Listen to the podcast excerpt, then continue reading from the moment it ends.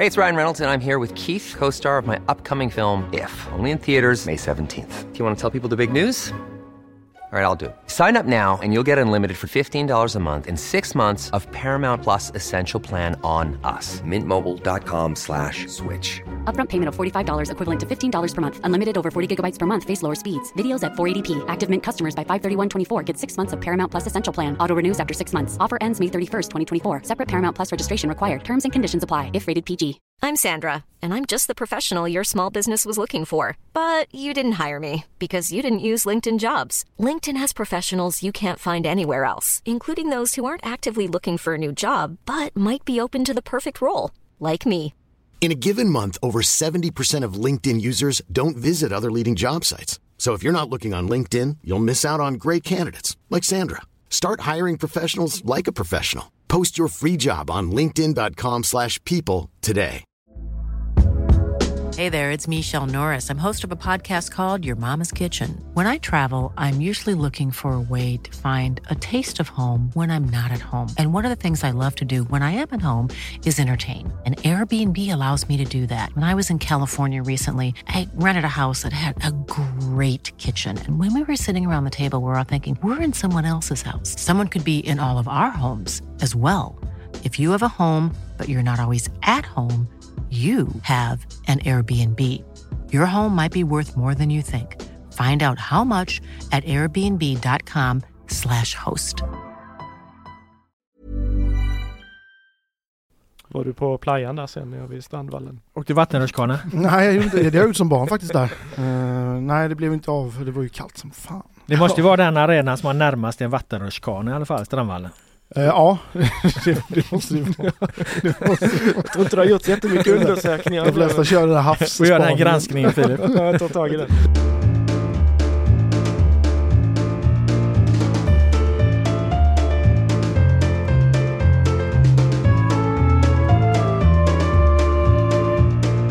Hej och välkomna till GPs fotbollspodd Laul med vänner som fokuserar på fotboll i allmänhet och fotbollen i väst i synnerhet. Precis som senaste avsnitten har jag två fotbollsvänner med mig i studion, Filip Trollér och Joel Besseling, samlade för att sätta strålkastarljuset på följande. Stockholmsdippen, tillfällighet eller trend? IFK Göteborg närmar sig första segern med Ola Larsson i spetsen. Det hetsiga Göteborgsderbyt, Sveriges tokigaste sportchef, ÖIS tar över krisbinden och fem nya varningar till brutala utsikten, eller brutala förresten, gör de bara, likt IF Elfsborg, vad situationen kräver på fotbollsplanen.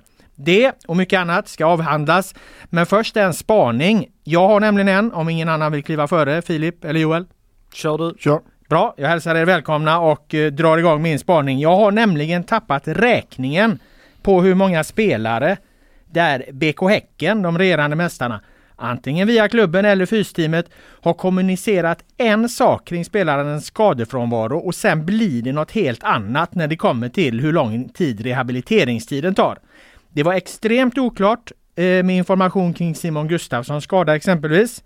Eh, sen sa de att det knappt skulle vara någon frånvaro på Johan Hammar och bara två, tre veckor på Ibrahim Sadiq. Nu sa Per-Mattias Högmo i helgen att Sadiq är borta till cupfinalen 18 maj. Johan Hammar också och då är det över en månad sedan de blev skadade. Simon Gustafsson, det vet inte fan om han ens är tillbaka denna sidan sommaruppehållet. Och samma liksom mörkande, eller vad man nu ska kalla det, är det kring, har varit kring Tobias Karlsson, Tobias Sana, Momo Sonko. Jag kan hålla på hur länge som helst. Jag undrar vad är det frågan om? Antingen är de ju helt inkompetenta när det kommer till att bedöma läkeprocesser och levererar extremt svajiga prognoser som slår fel gång på gång på gång. Eller också bluffar de ju offentligt. För att det här är för många exempel för att det ska kunna avfärdas med att det är svåra bedömningar och så vidare. Det är för många fel helt enkelt. Och jag vet inte vad som är värst, om de är inkompetenta eller om, om de bluffar.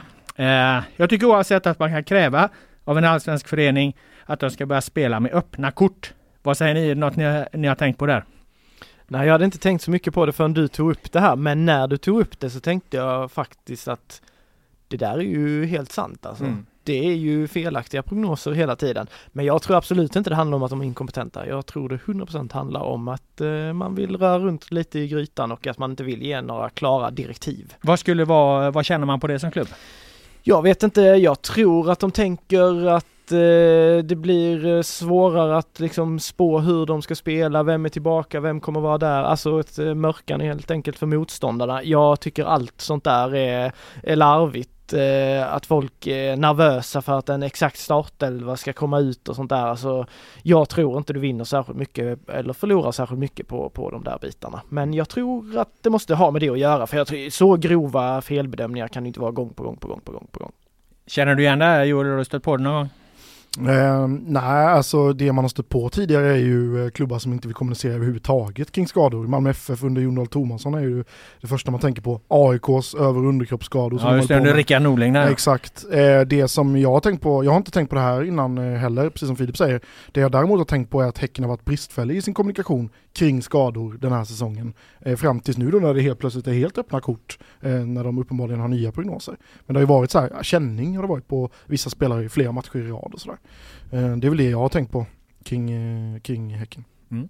Tror, du att, eh, tror du att det är medvetet som Filip är inne på? Eh, att de liksom av någon anledning tycker att de får en fördel? Utan att ha en närmare insyn i eh, kompetensnivån i Häckens fysteam så tror jag att med tanke på att den klubben är ganska proffsig i övrigt så tror jag precis som du säger att eh, Filip att eh, det snarare är en, eh, liksom, någon form av mörkning mm. och att man då vill dra, dra fördelar av det. Att det är så pass stor skillnad mellan eh, spelare Y och spelare X så att säga. Eh, vilka som startar, att det kan göra skillnad i matchbild. Mm. Har det inte varit lite tugg vissa år också om att det har varit önskemål från spelarna? Inte i Häcken då, utan ja. i andra klubbar. Önskemål från spelarna att det inte blir... GDPR och sånt ja, har det varit också. Sånt snack. Jag vet inte, jag har svårt att tro på det för jag tycker det är väldigt sällan man har Eh, det har väl hänt någon enstaka gång men det är väldigt sällan man ställer en fråga till en spelare. Ja, vad, vad, vad är det som är problemet liksom? Ja men det är baksida lår eller det, det är ett knä eller alltså. Mm. De brukar ofta kunna vara öppna med det. Snarare är det då klubbarna som vill täppa till. Blåvitt håller lite på så här också när vi har försökt tidigare i alla fall med Hussein Karneil när han har varit borta från träning. Ja vad är han? Ja, man är inne i gymmet. Vad, vad, vad är det? Ja man har en känning. Ja vad är den känningen? Ja det är en känning. Ja, mm. Så får du inte mer än så. Jag mm. vet inte. Ja, jag tycker det är larvigt. Som sagt. Ja, en eh, kraftig uppmaning härifrån att eh, sluta upp med det där och börja vara tydliga i kommunikationen då. Det var väl vad den spaningen gick ut på. Eh, vi kastar oss över dagens första rejäla ämne som ju består av en lite bredare utblick eh, kring våran allsvenska. För tittar man på den allsvenska tabellen så är det ju en sak som sticker ut. Eh, då syftar jag inte på att IFK Göteborg ligger sist, för det har de gjort ett tag nu, utan på att Djurgården bara är sexa, Hammarby är bara åtta och AIK är nere på plats 14. Ni noterade säkert den röda tråden där, för efter många och långa framgångsrika år i Stockholmsfotbollen då alltså inne i någon form av eh, dipp. Och då är det frågan eh, bara, är det här en är den högst tillfällig eller ser vi början på en, på en trend där, där Stockholmsfotbollen går ner igen? Joel Besseling, vad, hur går snacket ute i fotbollssverige kring detta? Jag skulle nog säga att det är en, det är en tillfällig dipp för AIK och Hammarby skulle jag säga. Visst, nu har Djurgården torskat eh, ett par bortamatcher på gräs, eh, inte planenligt, eh, men jag tycker fortfarande att de, de ska man nog inte vara så orolig för. Du vill inte ta in dem bland de här tre? Liksom. Nej, precis. Jag, jag, jag sa att AIK har ju sina problem liksom, som vi har pratat om i den här podden med organisatoriskt eh, och eh, framförallt sportsligt nu eh, har det visat sig under, under säsongen. Och sen eh, Hammarby, eh, där undrar jag lite vad som pågår. Alltså deras spelomsättning under vintern var ju nästan dramatisk får man säga. Eh, och de har inte alls fått till det, det spelet som de hade under eh, eh Marti Cifuentes i fjol och nu åker de på pumpen mot eh, Malmö också. Har förlorat matcher. Eh, Eh, ja, men Djurgården som sagt håller jag ändå fortfarande som den troliga topp 3-kandidaten bredvid Häcken och Malmö FF. Ändå. Tillfällighet eller trend? Filip? Jag tror att eh, det är en eh, tillfällighet eh, alltså jag tror inte att Stockholmsfotbollen när vi summerar den här säsongen att, att vi har de lagen på, på nedre halvan, i alla fall inte flera av dem. Djurgården är, är precis som Besseling, det är de jag tror kommer hamna högst i slut, jag tror de kommer varva igång. Även om vad är det nu, har de två förluster eh, redan mm. väl? Ja, ja, de ja. har förlorat mot eh, Degerfors och Halmstad. Precis, ja, och två förluster mm. så här tidigt. Mm, då behöver man vara ganska bra om det ska vara en topp tre. Samtidigt som Malmö går som tåget Precis. och Häcken går bra ja, också liksom. Så, så att jag menar i Djurgårdsled så pratar man om att guldet är redan borta.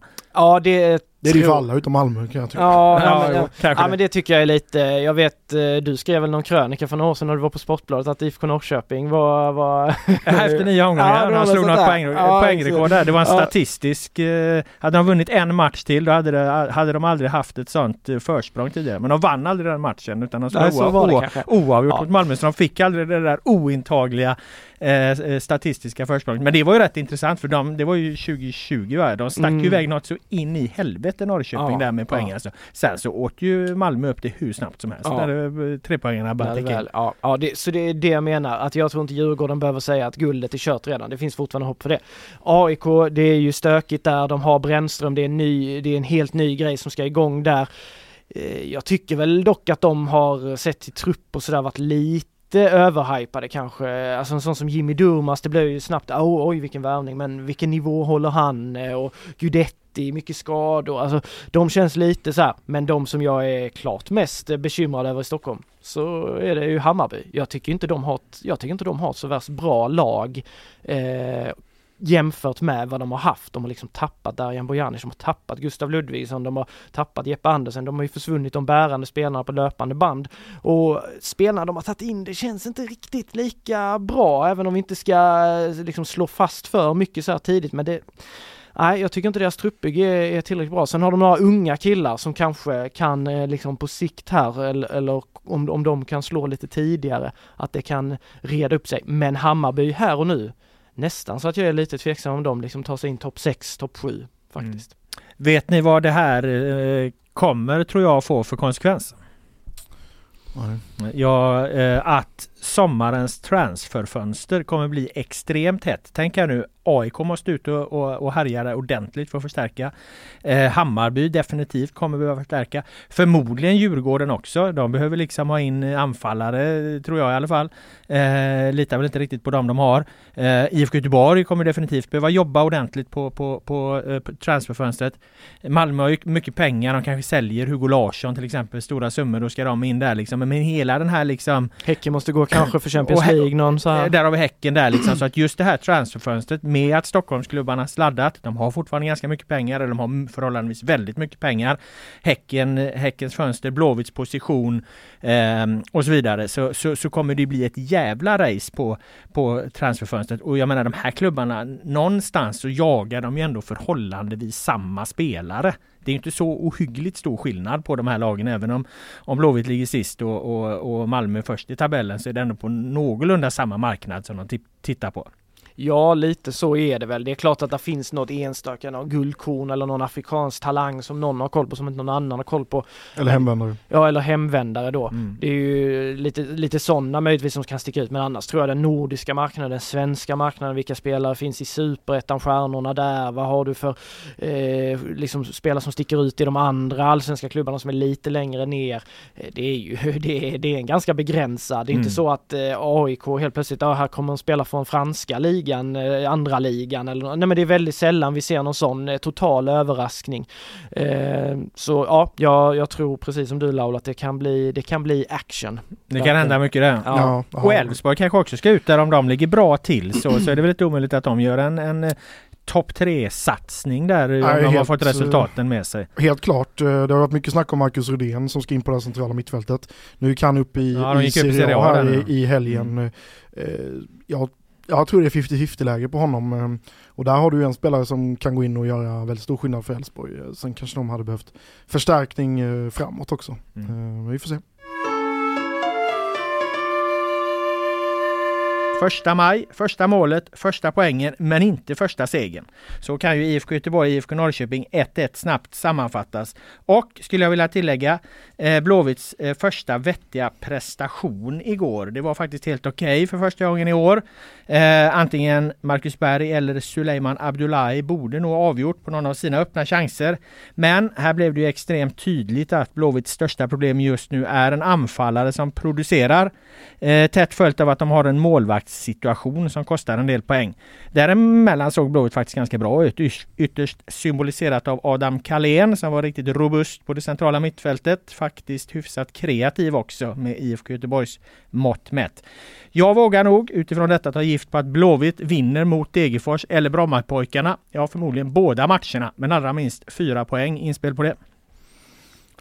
Ja, jag tror nog inte att Eh, du ska räkna hem den här BP-matchen. Eh, de har ju kommit eh, upp lite här nu i BP och hemma där på Grimsta så tror jag de kan slå Blåvitt. Men eh, det är klart att det ser mycket bättre ut. Eh, sen håller jag kanske inte riktigt med om att detta var första gången det såg helt okej ut. Eh, jag tycker de, som jag varit inne på tidigare, att det, det har inte varit ett nollpoängslag. Jag tycker ändå prestationerna har varit ganska så bra eh, tidigare också. Men det är klart att... Men här, här menar han nog att det var första gången man, man, man, man faktiskt kan säga liksom att ja men den här matchen borde nog IFK Göteborg ha vunnit ja. och det var mot ett ganska bra ja. eller halvbra motstånd i alla fall. Liksom. Jo men det har du, det har du rätt i. För det gick ju inte efter Värnamo till exempel, nej. gick det inte att säga att Blåvitt borde ha vunnit den matchen fastän det var mot Värnamo. Men här borde de faktiskt, de här öppna chanserna som Berg och Abdullahi har där, det, ja. det bör vara 2-1 i Blåvitt där liksom. Ja, Abdullahis chans är ju, vad är det för nick?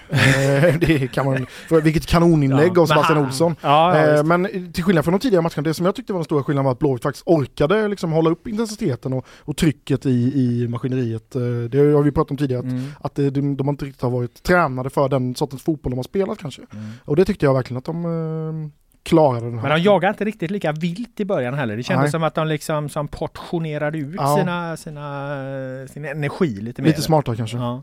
Det är kanske något de har pratat om då, eh, att, att hålla, hålla lite mer och jag såg ju inte den här matchen för jag var på, mm. på en annan match parallellt men jag tittade på höjdpunkter och sådär och det var ju fler, betydligt fler högkaratiga målchanser än vad det har varit tidigare. Markovic hade väl också någon i allra sista ja, stund precis, där, som var där, där Abdullahi faktiskt nickar ner bollen ganska bra tror jag om, om, jag, om jag minns rätt där men Ja, lite symboliskt också. Sebastian Olsson blir den första målskytten. Vi har mm. suttit och hyllat honom här för hans insatser. Nu, nu är han på rätt plats till slut och, och liksom får göra det förlösande första målet. Jag tror ändå det, även om det inte blev segern så fick de en poäng och de fick göra det där målet. Jag tror ändå lite lättare nu från deras axlar och jag återkomma till din fråga där om, om de, jag tror nog att de klipper båda de här matcherna nu faktiskt. Eh, Degerfors hemma, det, den, den, den tar de. BP ett kryss minst i alla fall. Mm. Eh, Olsson är intressant där för att vi bedömde ju samtliga eh, chefscouten Stig Torbjörnsens värvningar här i GP inför den här matchen och Sebastian Olsson var faktiskt den enda spelaren som vi,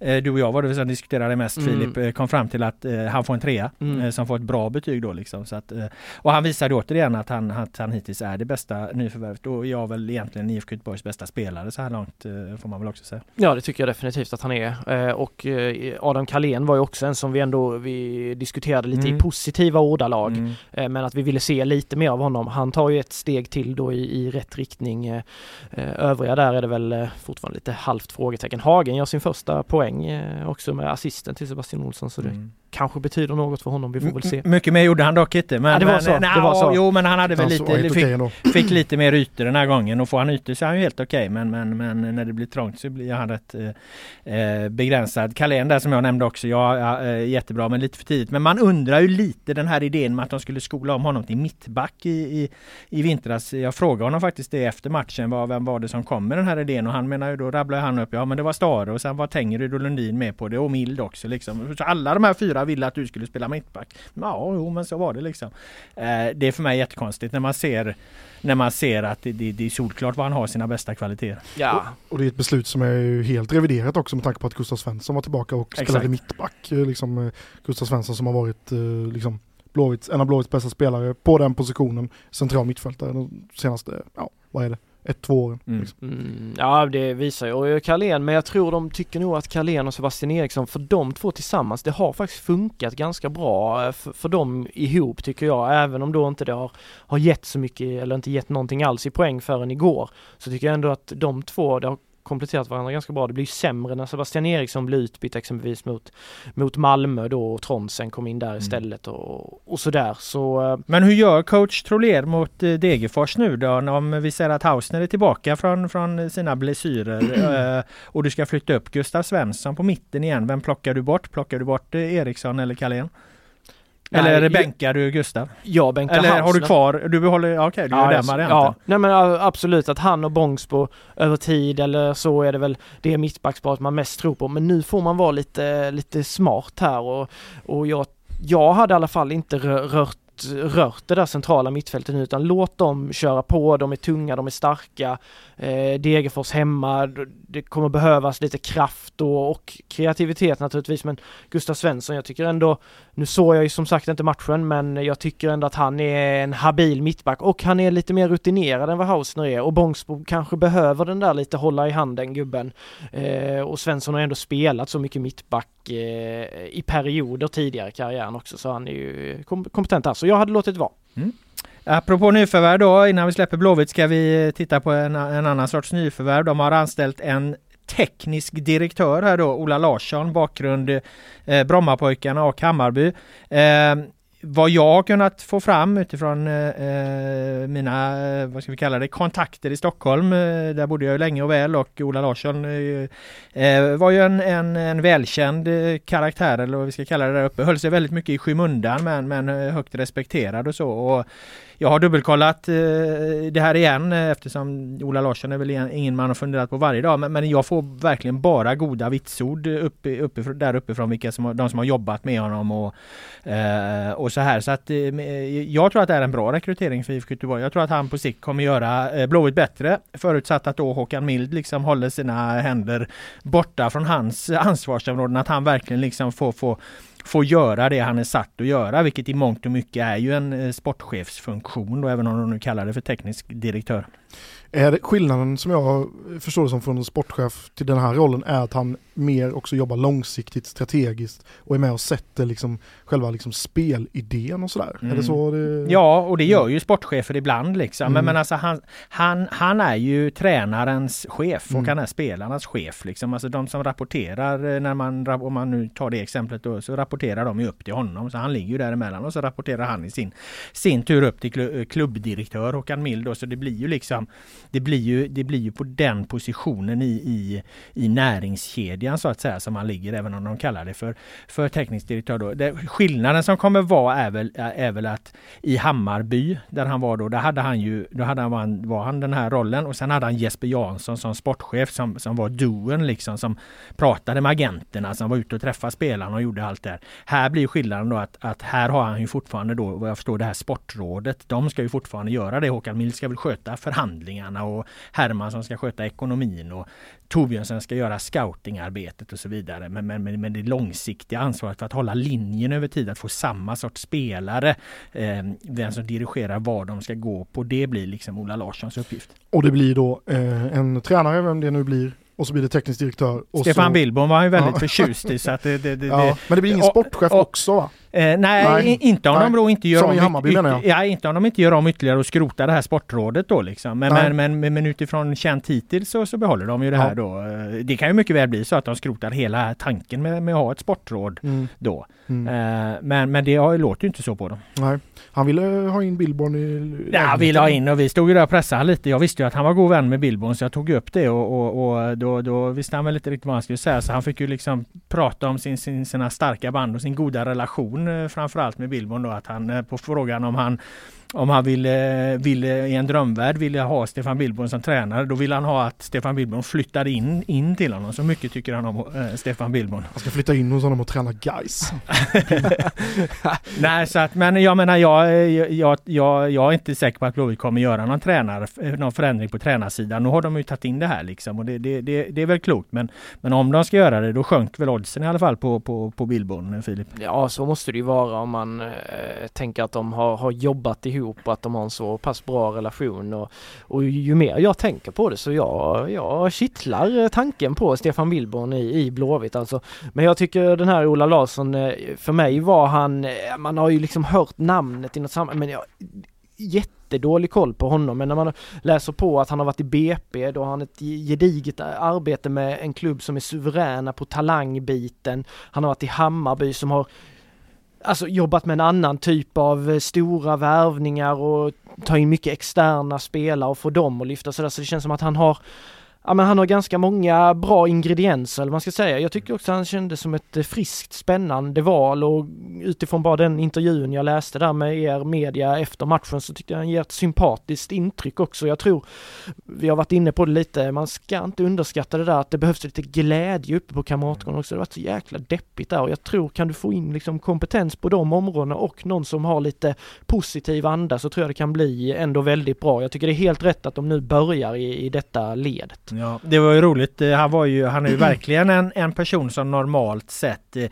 verkar utan att synas. Han gav ju nästan aldrig några intervjuer eller så i, Nej, okay. i, i, Stockholm utan det var ju till exempel Hammarby var det ju alltid Jansson som frontade allting liksom och så vet man att han skissade på de långsiktiga planerna ja. i bakgrunden och, och, och, och, levererar ju aldrig några rubriker. Vad fan den enda liksom artikeln fin, som finns med honom typ det är när han börjar och när han slutar ungefär. Och sen kommer han till Blåvitt här då liksom det första han gör är att leverera en ganska skarp rubrik. Ja, det, då, ja, men det är ju schyssta. Alltså han, han, han, har kanske omfamnat detta nu ja, och är redo det, att kliva in. Här. Ja och det blev ju lite garv där i mixade zonen ja. när han sa det här om Billborn. Liksom alla skrattade och sen gick han och presschefen Moderi gick iväg och de små skrattade också lite så att de var mm. nog nöjda med entrén. Ja men det låter verkligen så. Sen, sen får vi se hur det låter efter några, några månader om det har kärvat och att han går in i lite det här, ja men att det är lite dystert och sådär men... Eh, ja men där tror jag han måste få mandat liksom. Ja, Tar man nu in honom, man har sina kunskaper, då måste då får ju Mild fokusera på sitt och så får han fokusera på mm. sitt. För det mm. har jag ju förstått från Kamratgården att det är ju inte bara vi som pratar om det gör de till och med internt där att, att, att,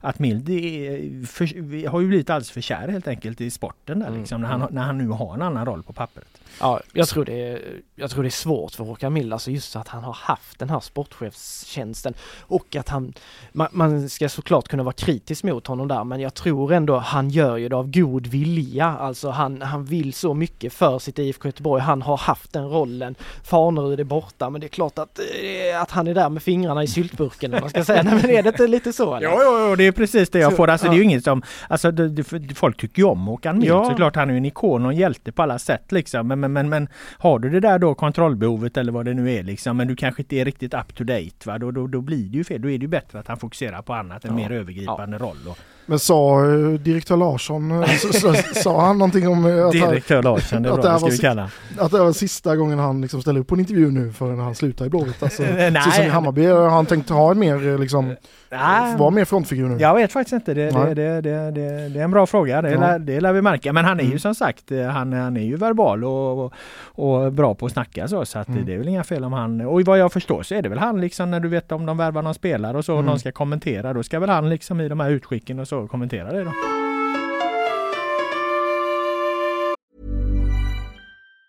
Det är Ryan Reynolds jag är här med Keith, co-star of my upcoming film If, only in theaters May 17th. Do you want to tell people the big news? All right, I'll do it. Sign up now and you'll get unlimited for $15 a month in six months of Paramount Plus Essential Plan on us. Mintmobile.com slash switch. Upfront payment of $45 equivalent to $15 per month. Unlimited over 40 gigabytes per month. Face lower speeds. Videos at 480p. Active Mint customers by 531.24 get six months of Paramount Plus Essential Plan. Auto renews after six months. Offer ends May 31st, 2024. Separate Paramount Plus registration required. Terms and conditions apply if rated PG. Hiring for your small business? If you're not looking for professionals on LinkedIn, you're looking in the wrong place. That's like looking for your car keys in a fish tank. LinkedIn helps you hire professionals you can't find anywhere else, even those who aren't actively searching for a new job but might be open to the perfect role. In a given month, over 70% of LinkedIn users don't even visit other leading job sites. So start looking in the right place. With LinkedIn, you can hire professionals like a professional. Post your free job on linkedin.com slash people today. Hey there, it's Michelle Norris. I'm host of a podcast called Your Mama's Kitchen. When I travel, I'm usually looking for a way to find a taste of home when I'm not at home. And one of the things I love to do when I am at home is entertain. And Airbnb allows me to do that. When I was in California recently, I rented a house that had a great kitchen. And when we were sitting around the table, we're all thinking, we're in someone else's house. Someone could be in all of our homes as well. If you have a home, but you're not always at home, you have an Airbnb. Your home might be worth more than you think. Find out how much at airbnb.com slash host. Nu ska vi kasta oss över eh, veckans eh, hetaste match här i stan får vi väl egentligen kalla det. Det resulterade i alla fall eh, någonstans i veckans största snackis på förhand, nämligen eh, utsikten mot ÖIS tänker jag på då och framförallt utsiktens extrema siffror eh, vad gäller varningar och frisparkar. Och eh, eh du såg ju till så jag fick skriva en krönika om det här eh, eh, Filip och då hamnar jag ju liksom i, i utsiktens i, i skottlinjen för, för deras reaktioner på detta. Fick jag ju brösta dem. Jajamensan, ja, men det är väl eh, spännande att du får komma med dina ögon och ditt perspektiv på det hela. Jag är ju nöter på dem hela tiden ju så. Men jo, det blev lite reaktioner på det. Mm, det blev ju det va. Jag skrev ju en krönika då där jag jämförde Utsikten och, och deras eh, fulspel med Wim Wimbledon 1988 med Vinnie Jones i spetsen. Och då när jag hade publicerat den krönikan eh, så fick jag ett mejl av Utsiktens sportchef Ingemar Lundin. Jag ska citera det här. Ingmar Lundin skriver. Du är nog den sämsta journalist jag har träffat. GP skriver knappt om resultatet när vi spelar, men sån här skit vill ni skriva om. Men det är väl enklare att fjäska för de mer etablerade klubbarna. Att vi får spela alla våra hemmamatcher på bortaplan och tappa den lilla publiken vi ändå har och är motarbetade av både IOFF och GotEvent. Det är väl för svårt för dig att skriva om. Det ställer ju krav på dig som journalist. Skäms, idiot! Två utropstecken. Med vänlig hälsning Ingemar Lundin, Utsikten. Så då undrar jag här nu, är ni team Lundin eller team Lauler? Det var en slakt det där alltså. det. Eh, Ingmar har ju mycket temperament och han dundrar igång när han är arg men eh, jag tycker, jag är lite lite trött är jag faktiskt på, på, på det där snacket om att vi aldrig skriver om ja, Du skriver ju om dem hela tiden. Ja, nej, men jag skriver, jag, jag, vet inte riktigt vad det är jag ska skriva för att de eh, ska bli nöjda. Det är klart att nu det vore ju helt jävla orimligt om vi inte kunde ta upp något sånt här. Det sticker ju ut, de vann alla gula kort, röda kort och orsakade frisparkar i fjol. De är i topp i alla de eh, ligorna i år. Varför skulle man inte kunna uppmärksamma det? Precis som vi har eh, skrivit om andra saker, både värvningar och, och resultat och sådär. Sen är det klart att eh, vi är ju precis som många andra så har man begränsade resurser och det är inte alltid vi kan bevaka utsikten på samma sätt som vi kan bevaka Gais eller Blåvitt eller sådär. Och det är ju inte heller något konstigt eftersom det inte finns några större åskådarmassor där och vi, vi är ett företag som behöver ha in våra kulor också precis som alla andra. Så eh, jag, jag är team Laul här i, i, i den här, det måste jag ändå säga. Ja det, det, det tackar vi för. Det, var, eh, det finns en första gång för allt. Eh, jag anklagades ju för att fjäska med storklubbarna där, det tyckte jag var lite roligt. Jag hoppas, jag hoppas, jag hoppas Blåvitt-fansen lyssnade noga och hörde detta. Eh, de tror jag å sin sida då att all media är ute efter IFK Göteborg. Eh, när vi då uppenbarligen enligt Ingmar Lundin fjäskar för Blåvitt här då om du hörde det här eh, mejlet. Har du fått något sånt här mejl någon gång Joel? ja, det har jag nog fått men... Andreasson skickar ja, sådana i Elfsborg. Han kan skicka lite sura sms ibland. Okay. men det är inte ofta. oftast med glimten i ögat. Det får man inte säga, kan man inte säga att det här var. jag måste säga att jag är lite chockad. Alltså jag vet ju, jag vet ju hur Ingmar Lundin är och jag vet ju att han har temperament så men eh, idiot eh, tyckte jag var, ja det fanns flera grejer där som jag tyckte var eh, anmärkningsvärda måste jag säga. Mm. Eh, men det var, det, klart, det var ju ingen... Det, ja, ja nej, men det är klart att den skaver kanske lite den krönikan. Eh, jag tyckte den var rätt spetsad. Eh, jag visste ju att grejen var på gång.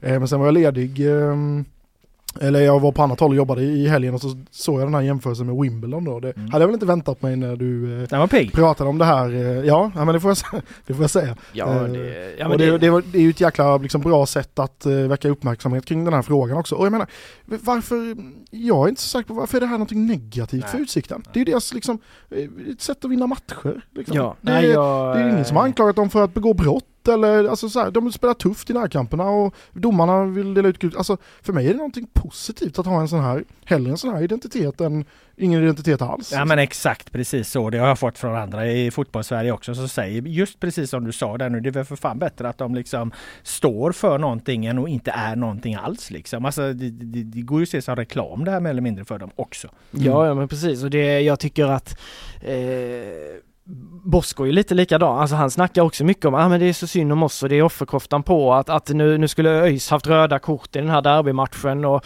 och vi är bovarna ständigt, ständigt. Men jag tycker han omfamnar ändå det på ett lite kul sätt när han kommer promenerande ut i korridoren, har vunnit det här derbyt, dansar ut där.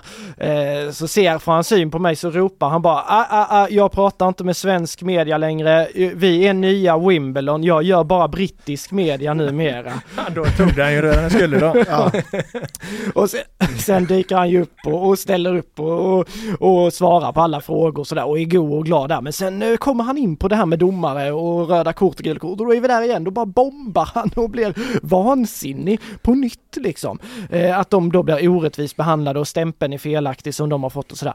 Men återigen, jag eh, jag vet inte, det är nästan så att jag lite börjar tro att det är lite medvetet nu också från Bosko, alltså för, för de märker ju ändå att vi hakar på det lite och det blir lite tugg om det och, och sådär men... Eh, så du menar att det, det liksom är någon slags eh, plan, eh, masterplan här? Det är jag som brukar ha de Ja jag vet, jag vet, nej men det är just att han, för jag, jag sa till, jag fick till mig säga men för fan jag har ju vunnit derby, du ska inte stå här och vara så arg då. Nej, men det spelar väl för fan ingen roll och det, och han, han fortsatte där om, om de här röda korten som han tycker att, att ÖIS skulle ha och det är de som spelar fult, det är inte vi som spelar fult.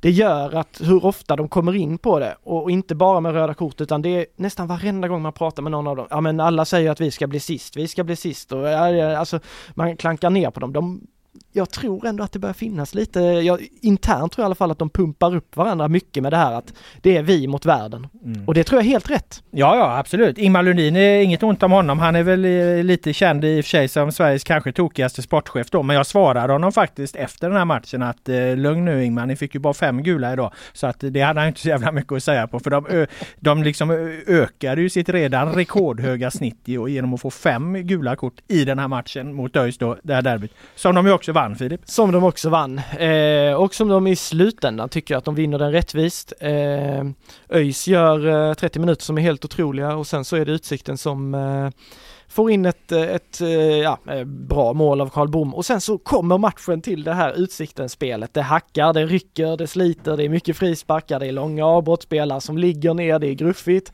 Tjafsigt och Tjafsigt bökigt. och bökigt och stökigt. och det är liksom de är grymma på det liksom. De får ju, de andra lag, de höll ju på att få guys ur balans på det här sättet också.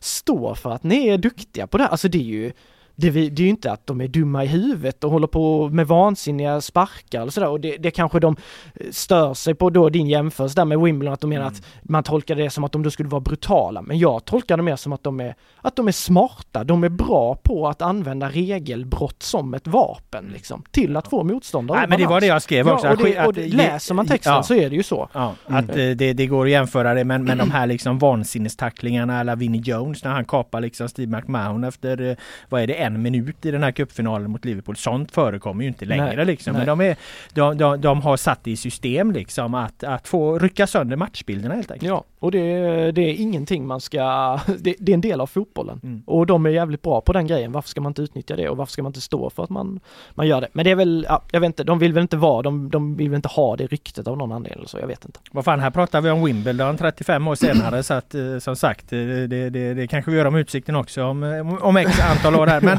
Eh, vi ska snart jämföra dem med ett annat lag, det vill säga Elfsborg då som vi också pratat om det här med, med cynism som de kallar det. Men vi ska bara, vi, vi, vi måste plocka ÖIS lite där mitt i allt det här mm, också som mm, ju faktiskt mm.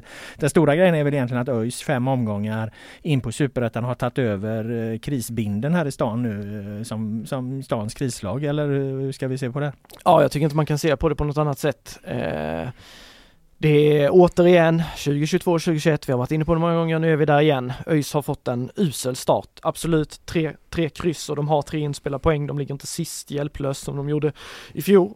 Men de hade naturligtvis förväntningar på något helt annat. Jeffrey, Jeffrey Robin skulle komma in med sin vinnarmentalitet från Malmö FF och vi har inte sett mycket av den, av den hittills och eh, jag tycker att deras första 30 minuter mot Utsikten, då är ÖIS alltså otroligt bra. Utsikten är inte bra då, men ÖIS är otroligt bra. De kan leda den matchen med 3-4-0.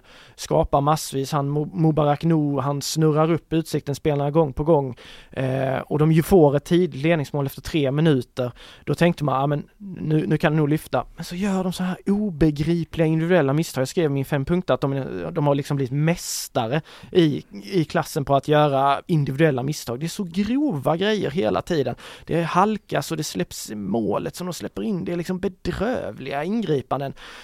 Och Jeffrey han landar ju hela tiden i analysen att det är en mental grej det här och att de är sårade av de här tidiga säsongerna.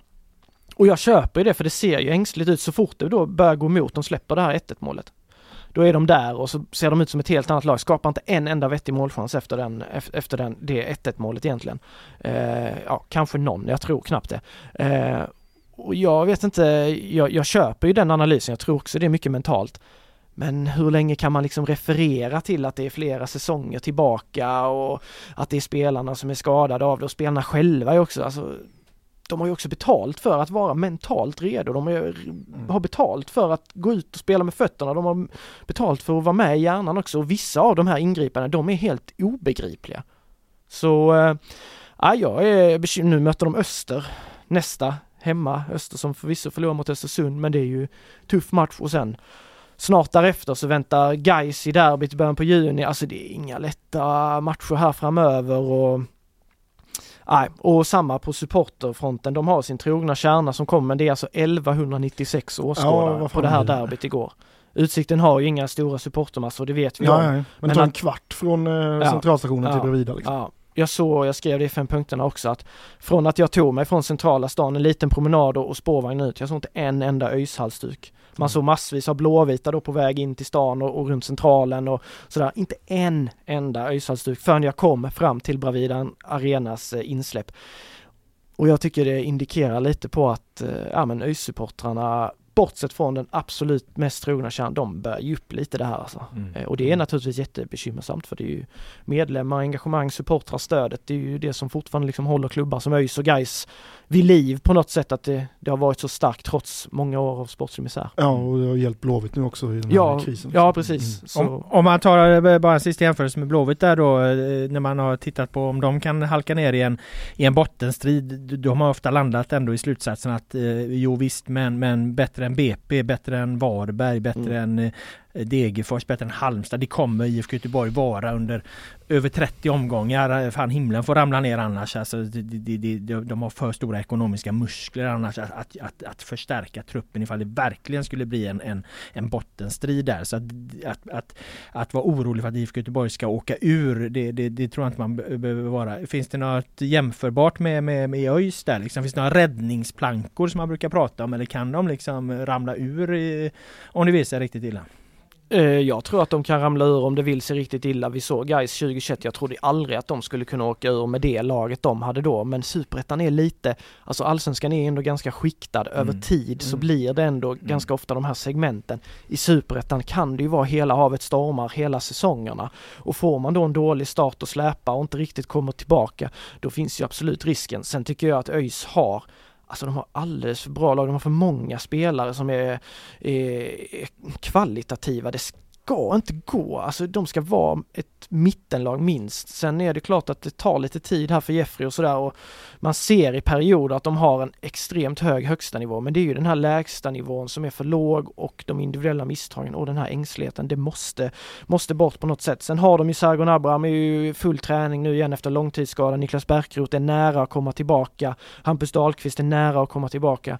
Nu fick de Amel Mojanic skadad som viktig spelare som försvinner då kanske några veckor. Vi får se hur allvarligt det är med honom. Det kunde inte ÖIS uttala sig om efter, efter matchen.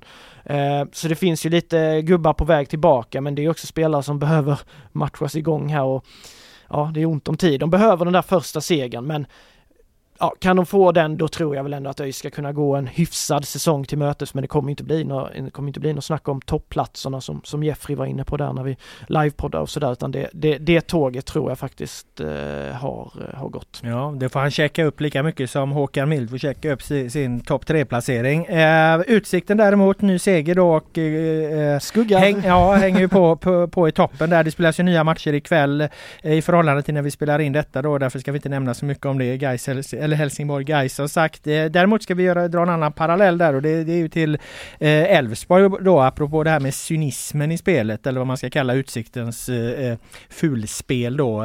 för att Elfsborg efter eh, sin 1-0 seger där på, på, på Strandvallen när du var nere Joel pratar ju också om det att, att det är en skillnad är att de, de gör vad som krävs numera.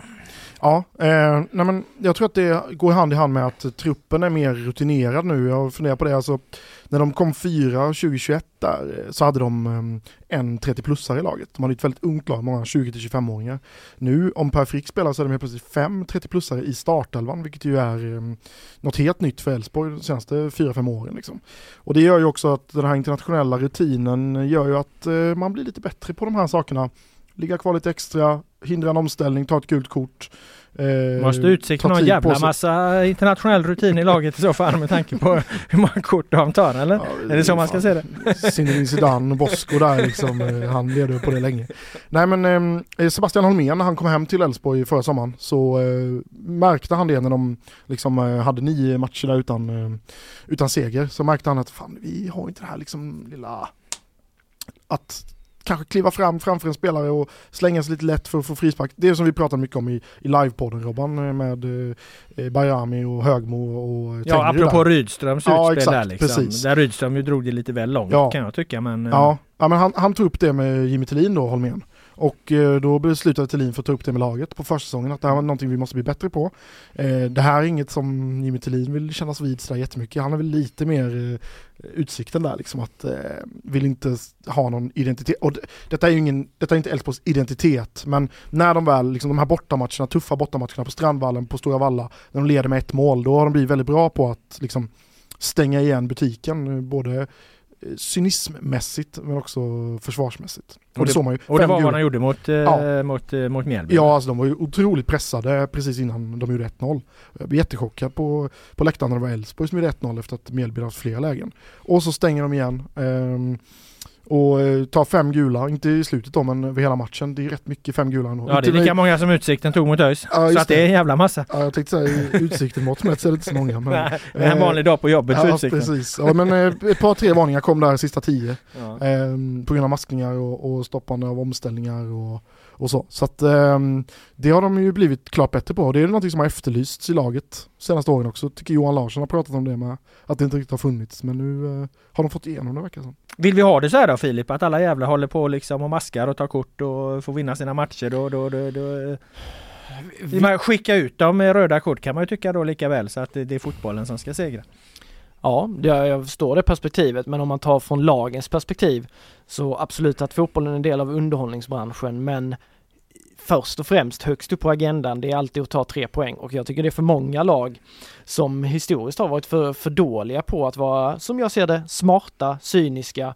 Vi pratar om Elfsborg där det är ju, alltså hela Utsikten står med 10 poäng. De är ett bra, och, och skuggar alltså absoluta toppen i, i superettan, lilla Utsikten. Att de, att de är ett okej okay fotbollslag, de spelar bra fotboll emellanåt också. Men i fjol hade de, de höll på en hel höst där de var, där de tappade lite det här och, och spelade väldigt bra men fick inte något, fick inte något resultat av, av prestationerna. Men sen så när de har kopplat på det här, då är de svårforcerade. ÖIS har ju haft också avsaknad av det här i många år. Jag tror det att de liksom har, ja men Dan-filosofin var det skulle spelas vackert och det skulle vara underhållning, det skulle vara lirarnas lag hela vägen. Du behöver i svensk fotboll, ännu mer i superettan tror jag än i allsvenskan, ha det där påkopplat hela tiden. Sen är det klart, ja är det det vi vill ha? Jag tror inte pendeln får slå för långt. Nej liksom. det är liksom. klart alltså, att det inte får, det, får göra för då, då blir det liksom tråkigt men men... Eh... Det gäller att hitta någon balans i det att vara, alltså jag menar jag tror inte många liksom förknippar Elfsborg med liksom att vara ett destruktivt fotbollslag. Mm. Jag tror snarare... De här var några år sedan i och för sig de hade en ja. helvetes massa varningar. Ja, 2019. Ja. Då rekord, slog de rekord. Ja, då slog de ju rekord. Sen så tog ju Varberg det och sen ja. nu Utsikten men då hade de, rekordinnehavare. Då hade de Simon Strand i laget, Elfsborg. Ja, eh, han tog 12 bara han tror jag. Eh, nej men eh, jag tror att eh, Eh, spelar man en, liksom en attraktiv fotboll som ändå är någonstans, tycker jag, ändå också är viktigt. Um, kombinera det med lite liksom, uh, smarta aktioner i slutet av matcherna om man leder. Som motståndarsupporter är man ju vansinnig på sånt liksom, men uh, jag tror att uh, jag håller med, alltså jämför man med ute i Europa och där å andra sidan vissa matcher kan bli helt olidliga när man kollar. För att det håll, hålls på så mycket med det här liksom. Men jag tror att de har lärt sig en del också av att spela internationellt. Att många andra lag håller på mycket mer med sånt. Vi ska ta oss an eh, dagens eh, sista ämne och det är som vanligt våran eh, Svennis-skala. Vad har varit bra, mycket bra och eh, mycket, mycket bra. Och eh, eh ni har ju börjat de senaste gångerna så att jag tänkte att den här gången eh, börjar jag. Eh, river av eh, mina tre här. Eh, bra, där tycker jag, apropå lite det vi pratade om tidigare, där tycker jag att Häcken är när det kommer till att fixa straffsparkar. Eh, det är väl verkligen ett sätt att, att eh, någonstans eh, utnyttja regelverket till sin egen fördel. Och då tänker jag inte på att de filmar till sig straffarna, för det har de inte gjort. De har fått någonstans 60 procent hittills av alla straffar som har utdömts i Allsvenskan. De är uppe på, på fem straffar, sen har de missat två av dem förvisso. Men det handlar om att Häcken spel, eh, de, de förlägger ju väldigt mycket av spelet i motståndarens straffområde och ju fler liksom ju, ju, ju, fler dueller och så, så det blir där inne, ju fler situationer uppstår och, och eh, helt enkelt eh, desto fler straffsparkar får du. Så det, det, är bra gjort att fixa så mycket straffar som Häcken gör. Ehm, en som brukar göra mål på dem och som ger mycket bra den här säsongsinledningen det är Benny Traoré. Han är uppe på sex mål hittills och han håller ju faktiskt någon form av av eh, fana, Häckenfana högt här. Deras förmåga att alltid få fram potentiella skyttekungar, den är ju fullständigt osviklig. Jag vet inte hur jävla många gånger en spelare från Häcken har, har vunnit eh, all, eh, skytteligan. Nu vann ju Jeremejeff förra året. Eh, Traoré är med i toppen, men han är en bit efter min mycket, mycket bra som går till Isak Kiese Thelin då, Malmö FF. Han har alltså gjort åtta mål, åtta mål på eh, fem omgångar för Malmö FF. Det är ta mig fan mycket, mycket bra. Det var mina. Vad har du Joel? Ja, snyggt. Eh, bra har jag eh, att det är veckomgång nu. Det tycker jag är härligt. Det känns som att man eh, Eh, jag, det, det är för jag, få matcher. Ja, ja alltså jag, fasen vi har ju bara haft... Han suckar trollerar djupt där borta. ja, han går ju på superettan också. eh, nej men vi, det har ju bara varit match en gång i veckan liksom hittills. Eh, och nu känner jag fasen det är mycket runtkuskande nu. Jag var i Degerfors eh, förra veckan, jag var på Listerlandet eh, den här veckan. Ska till Uppsala på måndag. Eh, och sen är det Halmstad. får nya arenor hela tiden. Ja, precis. Wrestling får se Sverige. Ja, exakt, det är ett jäkla sätt att se Sverige där på. Jag var i Kristianstad i lördags kväll, det var också en upplevelse kan jag säga. eh, får vi ta den ja. eh, Nej men så att eh, jag, jag gillar det här, jag gillar veckoomgångar. Mm.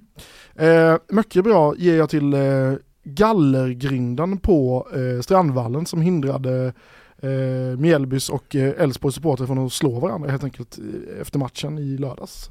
Eh, blev ju bråk eh, typ 10 minuter efter slutsignal. Eh, när Mjällby supportrar sprang mot Elfsborgs läktare och ville göra upp. Eh, Vad är det här för trams att eh, småklubbarna ja. börjat med? Alltså det är ju lika illa när storklubbarna mm. håller på men där finns ju någon form av liksom rivalitet som även tar sig andra uttryck och så. Det går väl lite att försvara det men men men men, men, men alltså det, det, blir lite löjeväckande när nu ska de härma de här då också bara slåss eller ja, vad, vad är frågan? Jag vet inte vad de sysslar med. Jag skrev på Twitter att det var bedrövliga scener liksom när de försöker slå varandra över den här gallerinden då fick jag många på mig att de var bedrövligt. Eh, ja men ja, visst, om man jämför med Hazelstadion så kanske det inte var bedrövligt. Men jämför med hur du beter dig i ett civiliserat samhälle så är det klart som fasen att det, ja, det, är klart som fan är att det var eh, bedrövligt. Men den här grinden här, jag vill också säga att polisen blev jag inte särskilt imponerad av heller. För de, eh, jag, jag märkte i andra halvlek att det började liksom eh, bubbla någonting för, efter Elfsborgs mål. Att de, ja, det gestikulerades lite mellan klackarna och det är inte så långt mellan klackarna där på Strandvallen. Ändå befann sig polisen utanför Strandvallen efter matchen. Eh, så de fick rusa dit och sådär och var lite för sena, kanske något slag som delades, jag vet inte. Det är ju fotbollens egen eh, önskemål att polisen ska hållas utanför arenorna mm, dock, så det kan man inte lägga på polisen, Nej. det får du lägga på SEF liksom. Ja, de har ju tagit något slags beslut på det att polisen ska bara komma in på ja. arenorna när det, när det händer saker då. Ja, För att annars anta, anses ju de då provocera mm, liksom. Mm. Nej men jag frågade polisen om det och de sa att vi lägger våra resurser utanför Strandvallen för att det är mm. där det blir rusningar efter matcherna, generellt sett. Men eh, ja, så var det. Um, så Gallergrinden får mycket bra. Ja, det är första gången på den här poddens historia i alla fall som en grind får ett uh, gott betyg men det kan den förtjäna. Möjligen sista gången också. får vi hoppas. Mm. Eller ja, kanske inte. Ja. Um, mycket, mycket bra. Ja, fan det var svårt den här veckan tycker jag. Mhm. Det var en, En eh, medioker vecka. Du Ja. var så jävla nöjd med att det var eh, veckomatchvecka. Ja precis, men nu när vi har pratat om det här så eh, eh, vill jag i, i den liksom, takt med att jag tycker att eh, faktiskt att Ingmar Lundins mail till dig är pinsamt. Mhm. Eh, så vill jag säga mycket bra till Bosko för det är så man hanterar Mycket, mycket en bra. sån, eh, ja Mm. mycket mycket bra, en sån grej. Eh, lite eh, liksom glimten i ögat, jag bara br- brittisk media, eh, den biten liksom. Så som Ingmar Lundin hanterade så, inget annat än pinsamt. Mm. Den tog du, sköt du från höften, Ja, måste du det- för det visste du inte om ju. Nej. Det är hör starkt. fan inte till vanligheterna med vad... det att jag så saker från höften. Nej men elevrådsordförande här, det brukar ju vara Ja, men jag satt nedskrivet fint. satt på Du rörde inte ens mobilen idag. Nej, Helvete.